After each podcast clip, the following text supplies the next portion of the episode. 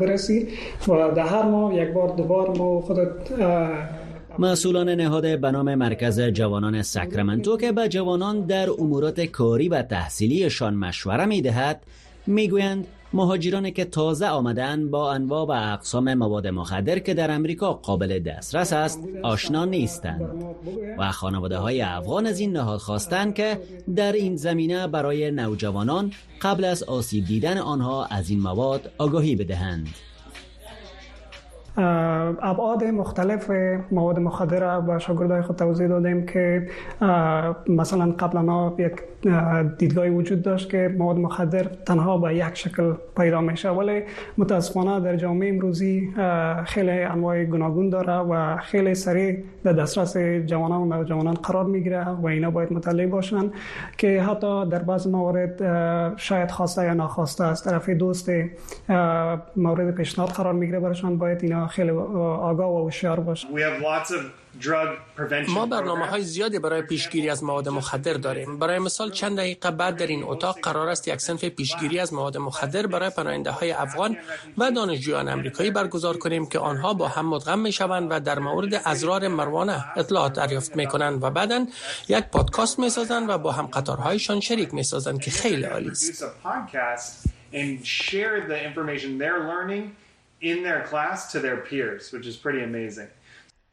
بر بنیاد یک گزارش مرکز میلی آمار سوء استفاده از مواد مخدر امریکا در ماه گذشته میلادی دو اشاریه 8 میلیون نفر از جوانان 12 الی 17 ساله در سراسر این کشور از مواد مخدر مصرف کردند که در این میان 83 درصد آنها از مصرف کنندگان مروانه بودند مهاجرین افغانی که تازه به امریکا آمدن نگرانند که این پدیده حتی در امریکا از آنها قربانی بگیرد.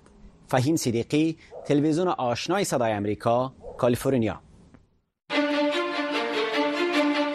روک و راست. صحبت های داغ صاحب نظران در مورد خبرها و مسائل روز هر شام از ساعت 8 تا 9 شب در برنامه مشترک دری و پشتوی رادیو آشنا صدای امریکا.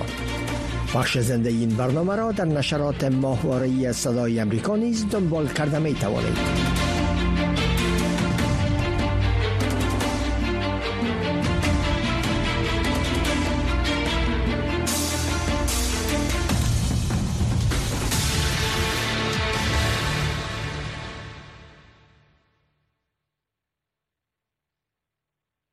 در این بخش برنامه توجه کنند به مصاحبه همکارم نجیب احمدیار با یک تن از متخصصین جراحی اعصاب که در مورد فعالیت غده نخامیه با وی صحبت کرده است.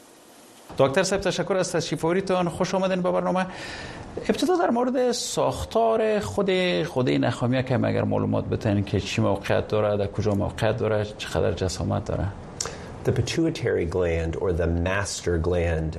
غده نخامیه یا هایپوفیز که به خاطر اهمیت کاری آن به نام غده ارباب یا رئیس هم یاد می شود تمام فعالیت های هورمونی را در بدن ما کنترل می کند این غده که در قسمت تحتانی دماغ موقعیت دارد دارای دو بخش می باشد که هر یکی وظایف مختلف دارد.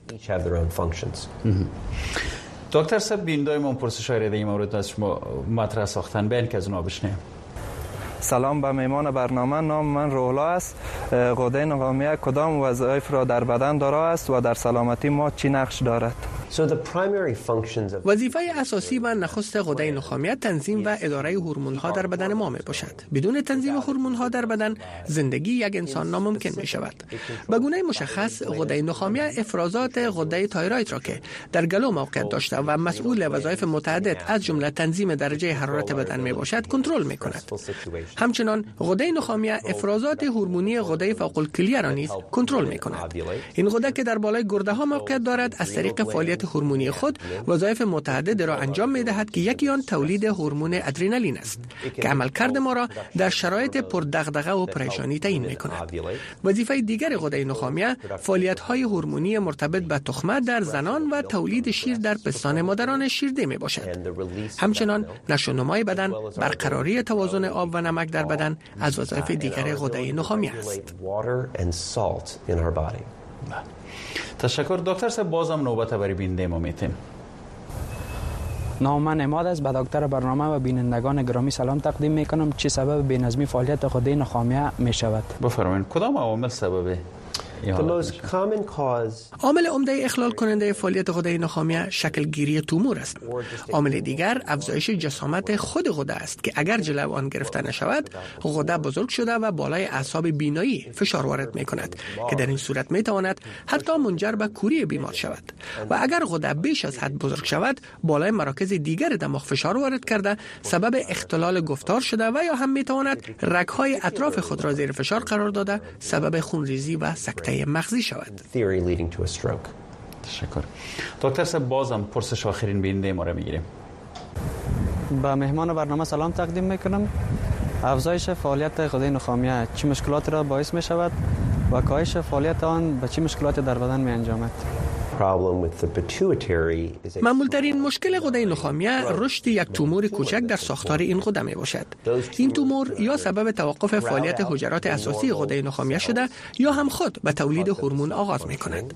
اگر این تومور هورمون تنبیه کننده غده تایروید را تولید کند بیمار حس گرمی شدید کرده و یا هم اگر سبب توقف هورمون تنبیه کننده غده تایروید شود فرد احساس سردی کرده و موریزی پیدا می کند.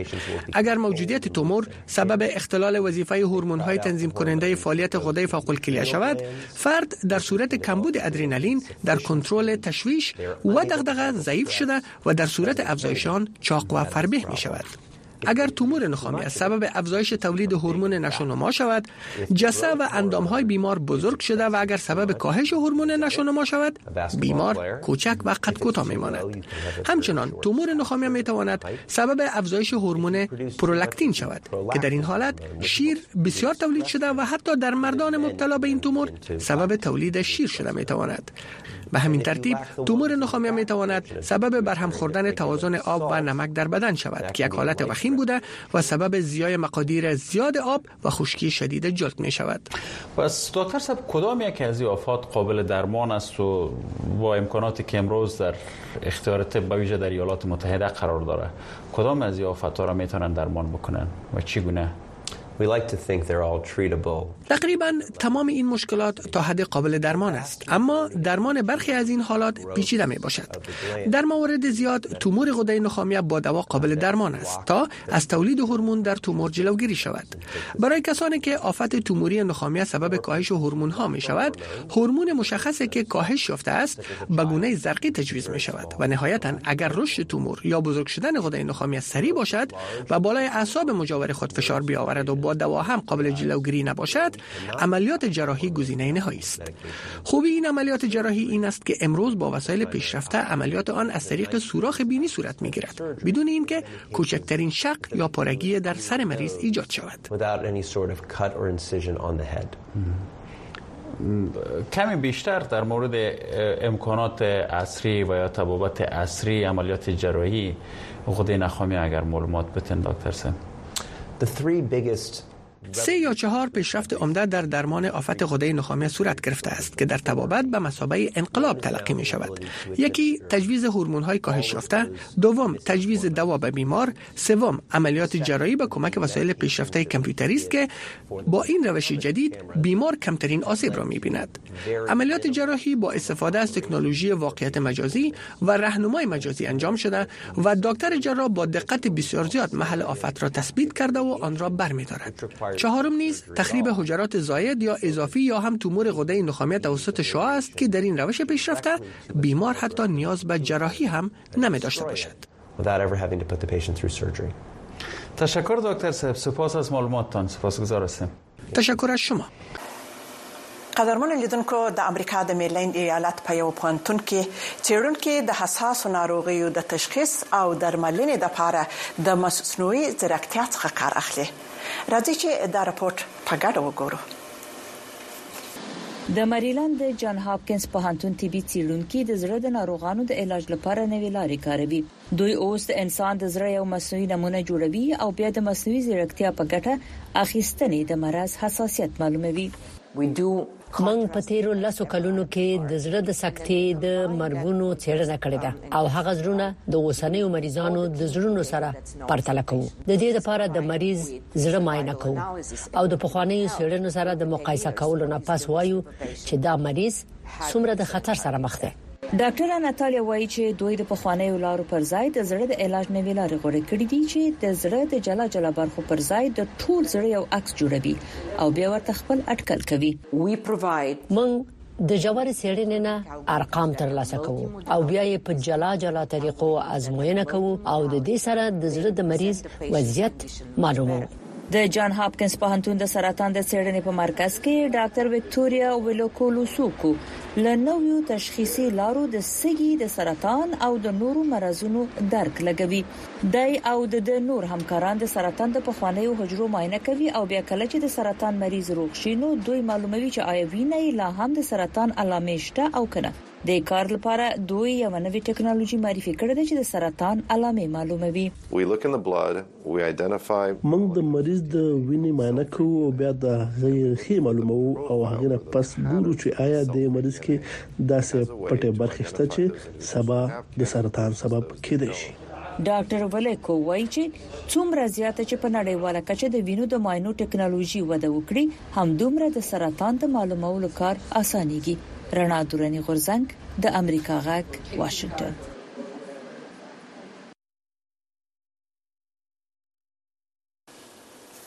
حملات هوایی و زمینی اسرائیل بر باریکی غزه سیستم صحت در این منطقه کاملا از کار انداخته. او تعداد از بیمارانی که قبل از آغاز جنگ می‌تونستن بیماری هایشان را در شفاخانه های باریکی غزه تداوی بکنن امروز دسترسی کامل به سیستم صحت ندارند توجه کنند به گزارش که همکارم. تهیه کرده است. جسد عبدالرحیم سلوت که به دلیل اختلاطات قلبی جان داد. اختلاطاتی که قابل تداوی بود و در صورت دسترسی به امکانات و تجهیزات طبی امکان نجات زندگی عبدالرحیم وجود داشت. اگر کسی در اثر حمله اسرائیلی ها کشته نشود در نتیجه محاصره و کمبود دوا یا کمبود مراقبت های صحی جان خود را از دست می دهد. در غزه هیچ مرکز مراقبت های صحی دوا و حیات باقی نمانده است. کجا برویم؟ قسم به خدا که پدرم در اثر حمله اسرائیلی ها جان نداد. او به خاطر محاصره و کمبود دوا جان داد. نمی‌دانم چه بگویم. پسر عبدالرحیم گفت که نخواست پدرش را به خاطر مشکلات قلبی به یکی از شفاخانه های خانیونس انتقال داد. اما به دنبال افزایش و گسترش حملات اسرائیل بر خانیونس او مجبور شد پدر بیمارش را به رفع بیاورد. شهری در جنوب غزه که در حال حاضر میزبان صدها هزار پیجا شده فلسطینی از سراسر غزه است.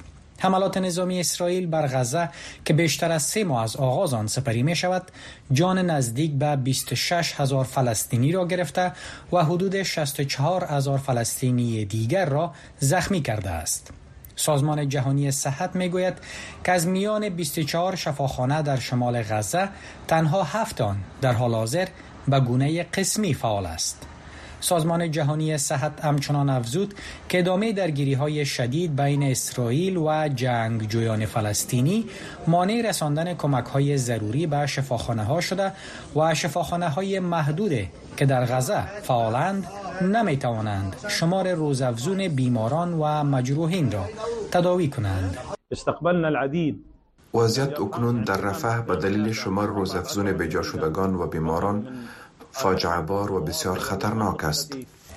سازمان جهانی صحت که از آغاز حملات اسرائیل در هفتم اکتبر تا اکنون بارها خواستار برقراری آتش بس در غزه شده گفت که شدت حملات اسرائیل به ویژه در جنوب غزه جان بیماران و کارمندان صحی را با خطر مواجه ساخته و در نتیجه دسترسی به مراقبت های صحی را شدیداً آسیب رسانده است. میرویس رحمانی صدای امریکا قدرمن لیدونکو د افغانستان څخه د نورو لوستو کسانو ترڅنګ د شذینه روغتيایي کارکونکو وتل. په دغه هیواد کې د طالبانو لخوا د شذو پر زده کړو بندیز د شذینه ډاکټرانو د کمښت په اړه اندیشنې راپورته کړې دي. د جمهوریت په محل د افغانستان د طبي شورا مشره ډاکټر نسرین اوریاخیل زموږ له همکار سره په مرکه کې پر دې ټینګار کړی دی چې د شوجو پر ذکر بندیز به افغانستان لوي غمیز سره مخامخ کړي د دې د زموږ د همکار د مرکه وهمه برخه تاسو ته وړاندې کوم ډیر مننه ډاکټر صاحب که په افغانستان کې د شوزو پر زده کړو د طالبانو بندیز هم د رواني آیا پراتلونکو کې نارینه ډاکټران د شزنه او ډاکټرانو ځای ډکولای شي آیا تاسو سره په دې برخه کې ځینې شمیرې یا ارقام شته؟ ګورئ په هر ټولنه کې خزه او نارینه دواړه ډیر زیات مهم رول لري. د خزه نشټون یعنی فقر یعنی بدبختی یعنی د جامعې عقبواله د عامه روغتیا برخه کې هم همداسې ده. مخصوصا د منګ په هیواد کې چې منګ یو سنتي او یو مذهبي ټولنه لرو. اکثر خلک نه غواړي چې خپل خويندې مېندې خزي لورګانې ولېږي نارینه ډاکټرانو ته. مخصوصا په زنانه امراضو کې یا نسایي ولادي چې ورته وایي نو زه فکر کوم چې دا ډیر یو بد تاثیر لري او هیڅ وخت.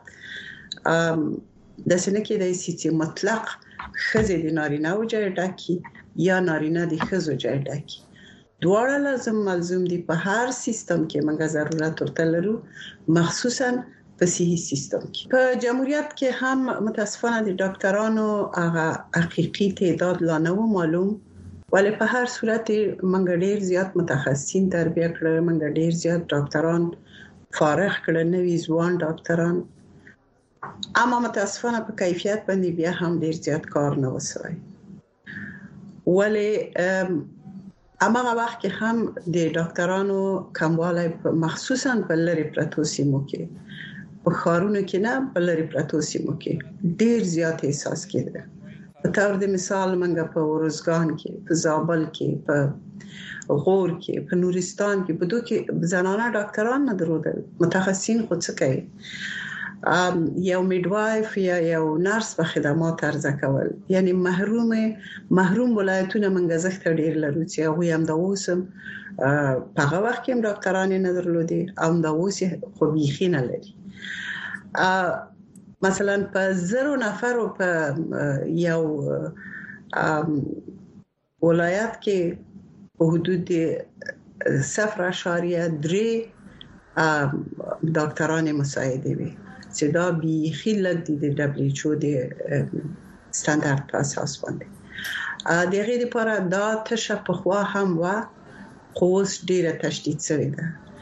په خوا منګه د مایندو د مړینې ساته په یو لک ژوندۍ ولادتو کې تقریبا شپږ سو شل درلوده ولی اوس مطمئن یم چې دا ډیره زیاته سوي ده ځکه چې خلک دا تنها دانه د چې د ډاکټرانو نشټواله یا د قابلو نشټواله ده.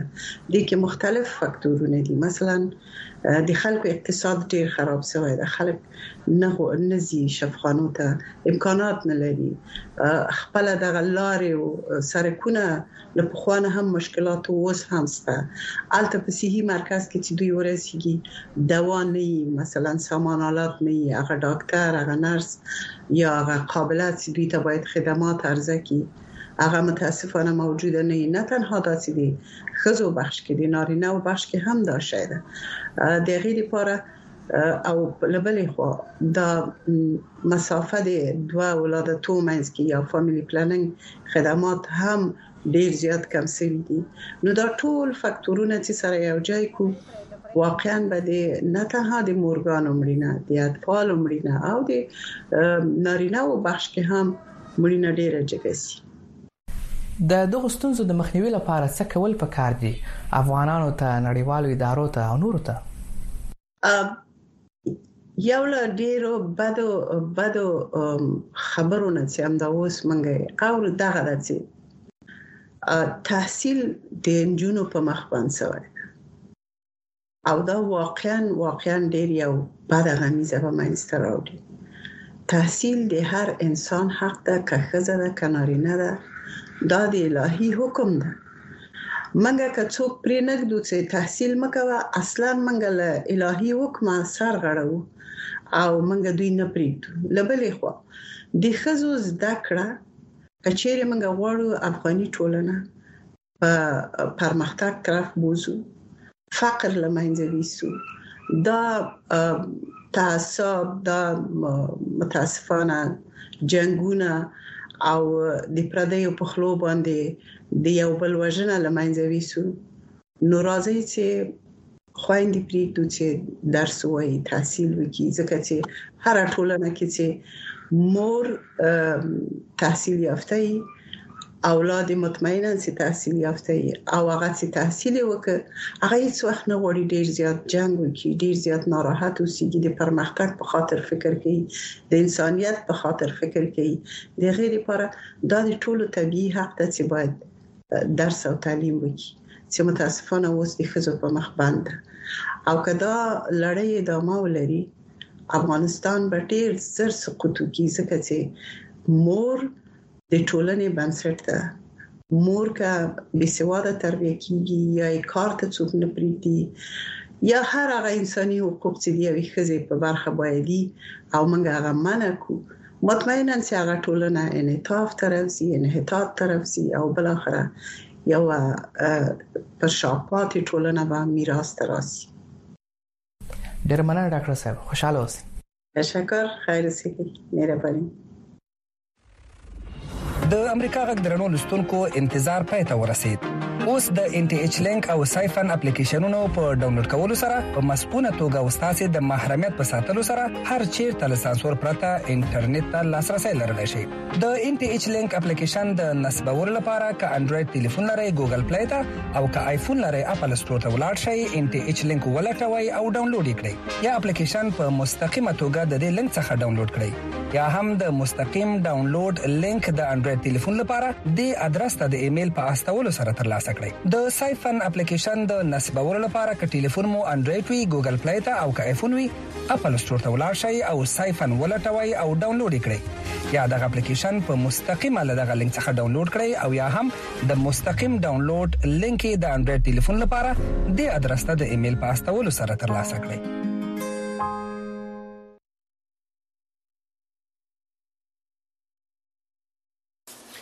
و باز هم چند گزارش در مورد مواد مخدر. برخی از معتادان در ولایت نیمروز می‌گویند که دسترسی آسان به مواد مخدر باعث میشه که حتی اینا پس از اینکه تداوی میشن درمان میشن و صحتیاب میشن دوباره به مواد مخدر رو بیارن. توجه شما را به گزارش جلب می‌داریم. افزایش نگرانی ها از دسترسی آسان به مواد مخدر و عدم برخورد جدی مسئولان با خورده فروشان این مواد در ولایت نیمروز. شماری از معتادان در این ولایت می‌گویند آنان با آسانی به مواد مخدر دسترسی دارند و این امر سبب شده که تعدادی از افراد صحتیاب شده بار دیگر به استعمال مواد روی بیاورند. تکی کارخانه و تکی مواد فروشا جمع نشه. این نشه ما نمی‌تونیم که تر کنیم که ده سال ما را بشانه پس ما میام همین نشه را میکنیم. موږ خپل پریږدو دش نکو چې موږ خپل یا د کو سکوي اسکوي اسی د چې سکوي نو دا نور دا چې جوړیږي د کیږي دا خو باید دا بیرته چرایلا شي بیرته بیا دا کیسه ده. نو برای پیسه تعدادی از باشندگان ولایت نیمروز نیز ادعا می کنند که با فروشندگان مواد مخدر برخورد جدی صورت نمی‌گیرد و گفته آنان با ادامه فعالیت خرد فروشان مواد مخدر آمار معتادان در این ولایت افزایش خواهد یافت. باید اول جلوی پور فروشا گرفته شود که مردم دسترسی نداشته باشه به این کار. اگر مردم دسترسی به این کار داشته باشه بازم جامعه ما خراب میشه بر بر جوانان ما ضرر می‌رسه. سعی کنه که امو هدف اصلی بگیره. هدف اصلی همون پرچم فروش است. ما که پرچم فروش گرفته شود او نمی‌تونه برود امو مواد تهیه کنه. اما مسئولان محلی حکومت طالبان در ولایت نیمروز می‌گویند از تمامی امکانات به هدف جلوگیری از فروش مواد مخدر و بازداشت قاچاقچیان استفاده می کنند خصوصا زموږ د راتګ سره چې موږ د نیمروز ولایت فعلا پر رسمي دندې راغلي ان شاء الله تعالی موږ د نیمروز ټول ولس دا ډاډ ورکو چې کم پر ساکان چې پرشن فروشان دي یا عمده کچاک بران دي هغه به د امیر المؤمنین د حکم په عملي کولو کې خپل د ناوړه اعمالو څخه خلاص واخلي. بر بنیاد آمارها حدود دوازده هزار تن در نیمروز معتاد به مواد مخدر هستند. هرچند اخیرا شماری از معتادان به هدف درمان اصلت شهر زرنج جمعآوری شده. اما باورها بر اینند که برای موفقیت روند درمان معتادان باید جلو فروش این مواد گرفته شود. سید عارف قطالی تلویزیون آشنا صدای امریکا نیمروز.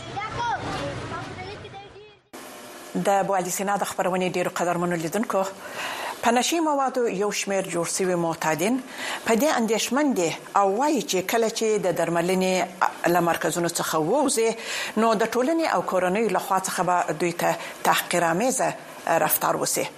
خو ډاکټران په دې ډېر ټینګار کوي چې هغه معتادین چې د درملنې لمرکزونو څخه ووزي باید د دوی سره ښه سلوک وکړي او کورنۍ هم دوی ته د تحقیر په سترګه ونه ګوري.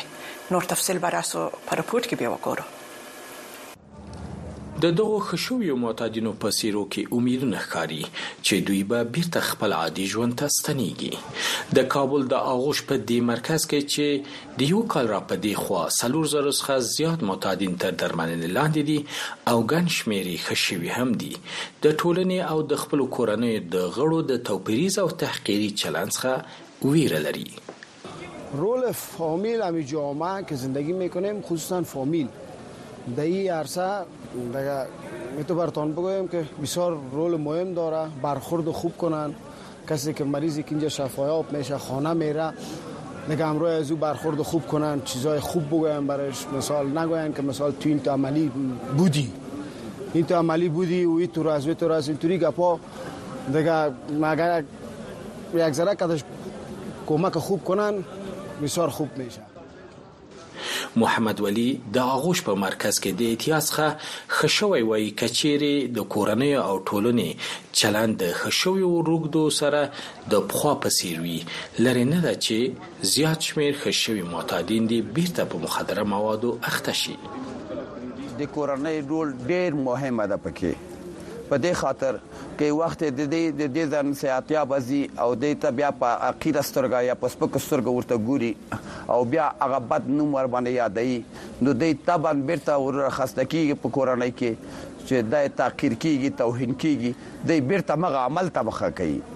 او کدی تشویق کی چې دغه د شکر الحمدلله اوس که سوې دغه د عمل له خدای بیغمه کړي او د تشویق کی او د قدر د عزت پسترګو وګوري ان شاء الله چې بیا به د عمل ته مخنی د معتادینو د درملنې د برخې متخصص ډاکټران هم له دې ویره لري او وایي چې د کورنۍ او د ټولنې د غړو چلند د خښوي معتادینو سره سم نوي نو د درملنې پایلې به یې ډېرې ښې نوي دوی د کورنۍ رول د نویو خښویو معتادینو په درملنه کې او وروسته له درملنې څخه خورا مهم بولي وقتی فامیل برخورد مناسب داشته باشه برخورد خوب داشته باشه و مریض قناعت بده به شکل درستش که مریض وادار به این شود که بیا به تداوی و به تصمیم جدی بگیره. یگانه دلیل یا یگانه موضوعی که او را وادار به می‌سازه که باید بیا تداوی شود فقط فامیل است. برخورد درست فامیل برخورد سالم درست فامیل مشوره های درست فامیل و چگونگی نگهداریش و رویه که در فامیل داره امرای معتاد یا مریض است. یکی از, از, از موارد مهم و اساسی امی می باشد لیو کال را په دی خوا په کابل کې د مخدره موادو د معتادینو د درملنې لړۍ د طالبانو د حکومت لخوا تیزه شوې. د دوی د وینا لمخې تر اوسه تر سل زرو شاوخوا معتادین د هیواد په بیلابیل ولایتونو کې د درملنې په مخه راټول شوي او درملنه هم شوې ده.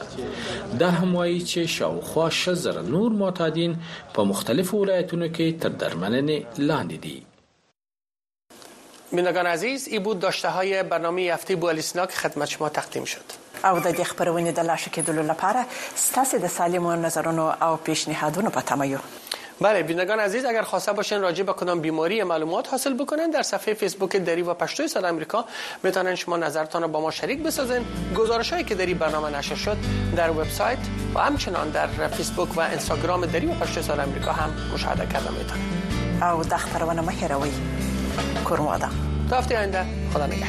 به پامن